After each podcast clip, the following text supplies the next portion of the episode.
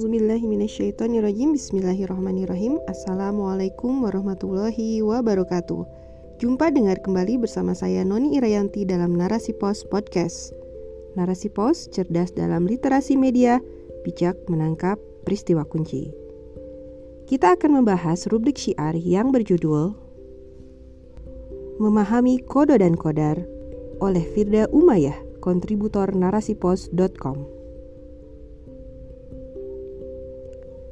Meskipun Muslim harus bersabar atas kodo dan kodar yang terjadi, hal ini tak lantas membuat Muslim diam atas kondisi yang ada, khususnya kondisi yang tidak sesuai syariat Islam. Muslim harus tetap berusaha mengubah kondisi yang ada agar berada dalam ketakwaan kepada Allah Subhanahu wa Ta'ala. Selengkapnya,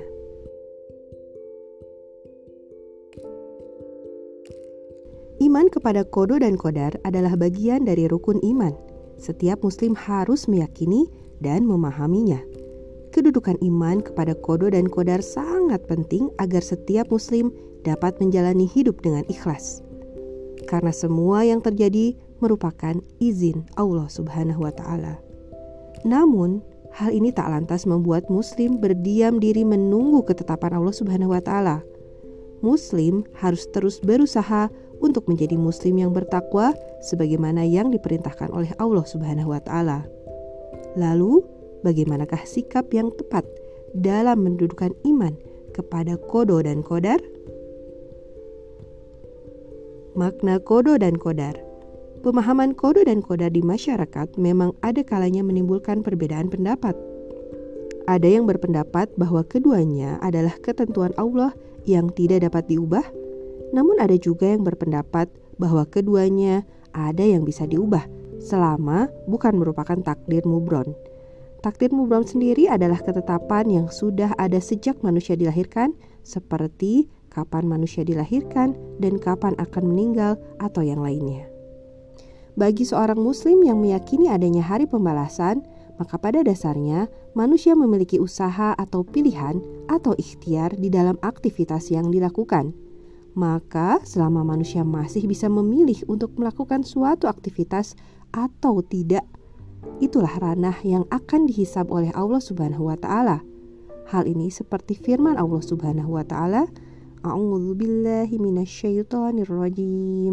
Bismillahirrahmanirrahim. Kullu nafsim bima kasabat surahinah. Sadaqallahul azim yang artinya setiap orang bertanggung jawab atas apa yang telah dilakukannya. Terjemah Quran Surat Al-Mudathir ayat 38. Sedangkan pada kondisi yang tidak ada andil atau usaha manusia di dalamnya, maka manusia tidak akan dihisab. Sehingga kondisi semacam ini berlaku kodo Allah. Kodo Allah atau keputusan Allah dapat diartikan segala kejadian yang terjadi pada area yang menguasai manusia. Baik buruknya kodo, hanya Allah saja yang tahu. Muslim hanya wajib beriman dan meyakini bahwa semua ketentuan berasal dari Allah Subhanahu wa taala. Salah satu dalil atas hal ini adalah firman Allah Subhanahu wa taala, billahi minasyaitonir rajim. Yusibana illa ma kataballah illa ma kataballahu lana huwa maulana wa 'alallahi falyatawakkalul mu'minun. Sadaqallahul azim. Yang artinya, katakanlah Muhammad tidak akan menimpa kami melainkan apa yang telah ditetapkan Allah bagi kami. Dialah pelindung kami dan hanya kepada Allah bertawakal orang-orang yang beriman.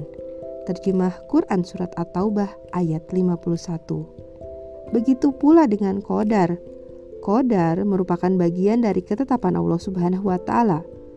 Bahkan Qadar dimaknai sebagai perkara yang telah berlangsung penetapannya sejak zaman azali. Oleh karena itu, Qadar juga berarti keputusan yang pasti terjadi. Hal ini sebagaimana firman Allah Subhanahu wa taala أعوذ بالله من الشيطان الرجيم بسم الله الرحمن الرحيم wa kana amrullahi qadarum maqdura yang artinya dan ketetapan Allah itu suatu ketetapan atau kodar yang pasti berlaku.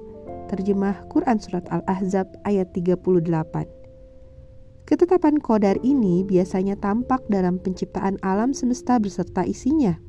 Misalnya, kayu memiliki ketetapan dapat terbakar dan mengapung. Manusia memiliki mata untuk melihat, telinga untuk mendengar, dan lain-lain. Oleh karena itu, manusia harus menerima segala ketetapan dan potensi yang Allah berikan kepada semua ciptaannya. Manusia tidak bisa menghilangkan ketetapan baik kodo maupun kodar, karena ini merupakan perkara pasti yang telah tertulis di Lauful Mahfudz. Allah Subhanahu wa taala berfirman, A'udzu billahi minasyaitonir rajim. Bismillahirrahmanirrahim.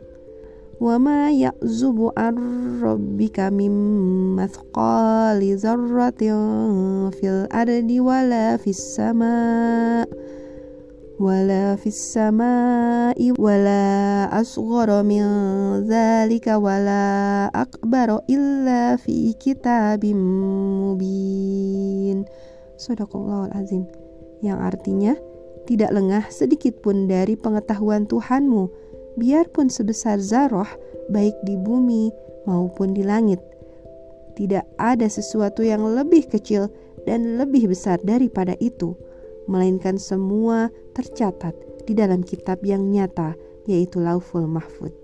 Terjemah Quran Surat Yunus ayat 51 Menyikapi kodo dan kodar Memang kodo dan kodar tidak bisa dirubah manusia, sekalipun muslim berdoa kepada Allah untuk meminta segala perlindungan dan dijauhkan dari segala keburukan. Maka ini tidak serta-merta menjadikan apa yang telah Allah tetapkan menjadi berubah hanya saja, ketika Muslim berdoa, maka Allah akan meringankan Muslim tersebut dari dampak kodo yang ada. Allah akan menguatkan Muslim di dalam menerima segala cobaan.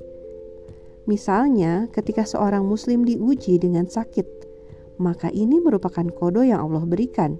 Hanya saja, ketika Muslim berdoa sepenuh hati dan keyakinan agar segera diberi kesembuhan, maka selama ia sakit, ini akan membuat Muslim merasakan kondisinya lebih baik dari hari ke hari, atau ia merasa ringan dengan sakit yang dimilikinya, sehingga Muslim tersebut meyakini bahwa Allah mengabulkan doanya.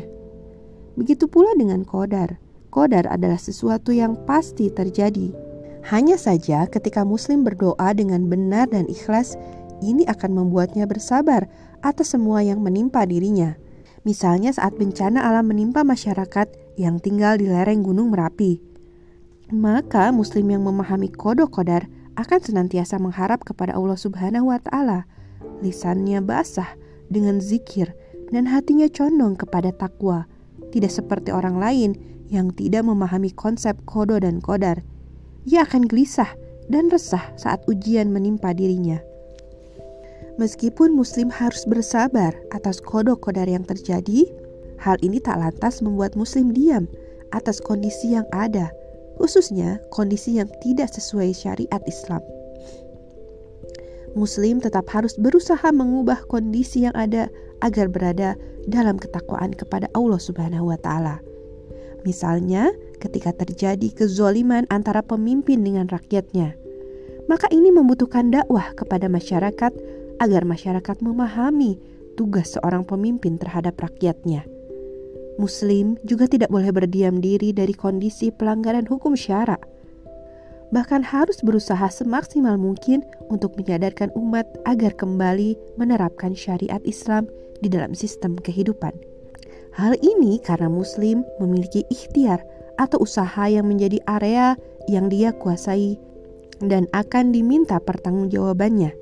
Ini sesuai dengan firman Allah yang artinya sesungguhnya Allah tidak akan mengubah keadaan suatu kaum sebelum mereka mengubah keadaan diri mereka sendiri.